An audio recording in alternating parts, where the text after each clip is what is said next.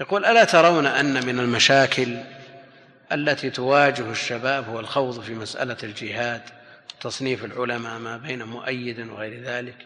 هل من كلمة توجيهية حول ذلك؟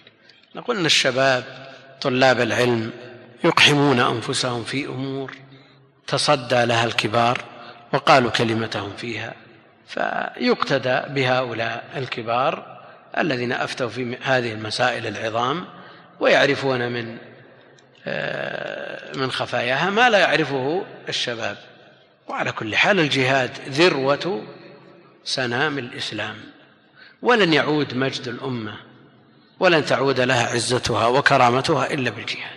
كما جاء في الحديث إذا تبايعتم بالعينة وأخذتم أذناب البقر وتركتم الجهاد في سبيل الله سلط الله عليكم ذلا لا يرفعه حتى تعاودوا دينكم.